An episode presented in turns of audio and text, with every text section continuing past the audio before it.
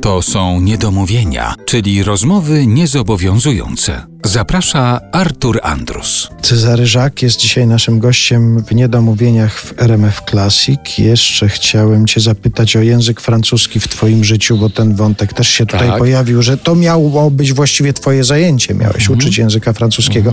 Czy on jest ciągle w użyciu, czy już nie?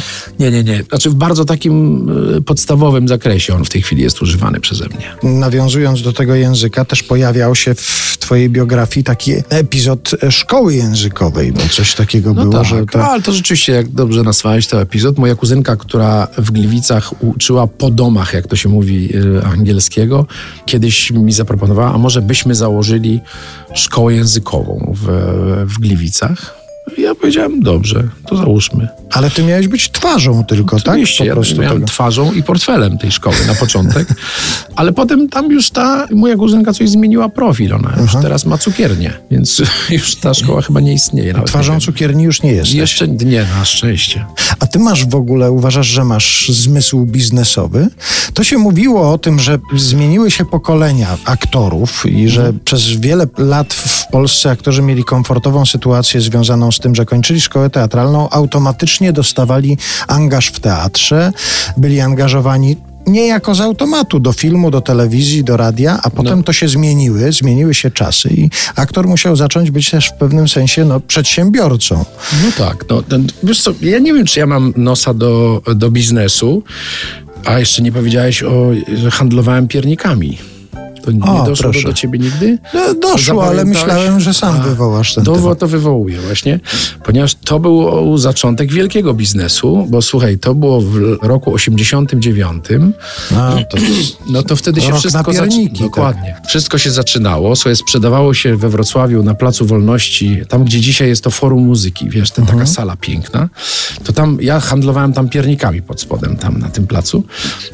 Ponieważ w teatrze coś nie szło i w, wspólnie z kolegą postanowiliśmy, a mieliśmy małe dzieci, które nie wiedziały, jak smakuje czekolada prawdziwa. Naprawdę, nie żartuję. A moja teściowa mieszkała wtedy w Toruniu, więc ja któregoś dnia zadzwoniłem do niej i powiedziałem, mamo, proszę cię, idź do y, zakładów Kopernik i zapytaj, czy można przyjechać w poniedziałek, bo w poniedziałki aktorzy mieli wolne, i kupić dwa kartony pierników, serc w czekoladzie albo katarzynek. Idź proszę cię zapytaj. Ona poszła, dowiedziała się, że trzeba założyć działalność gospodarczą. Ja pojechałem następnego dnia do Urzędu Wojewódzkiego we Wrocławiu i dzień dobry, chciałem działalność gospodarczą założyć. A pani mówi, a ma pan pieczątkę? Ja mówię, nie mam. No to co pan, nie może pan założyć działalności gospodarczej, jak pan nie ma pieczątki. Ja mówię, a gdzie pieczątkę się...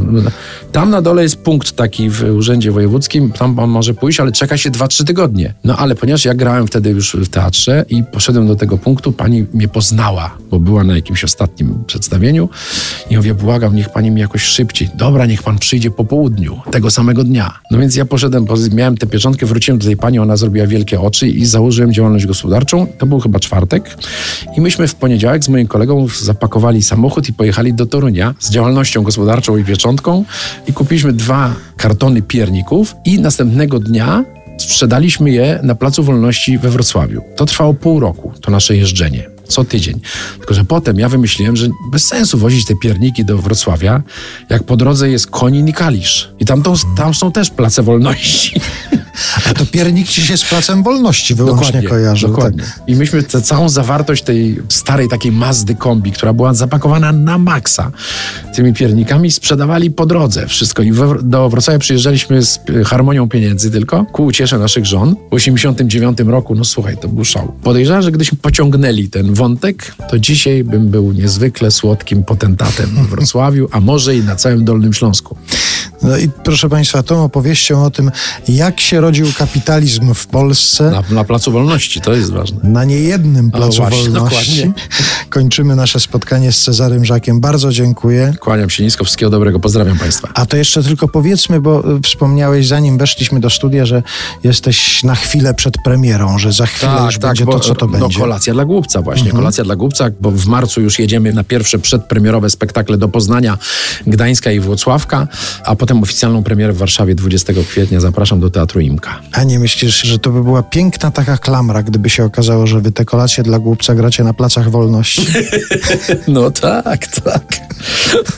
Bardzo dziękuję. Dziękuję.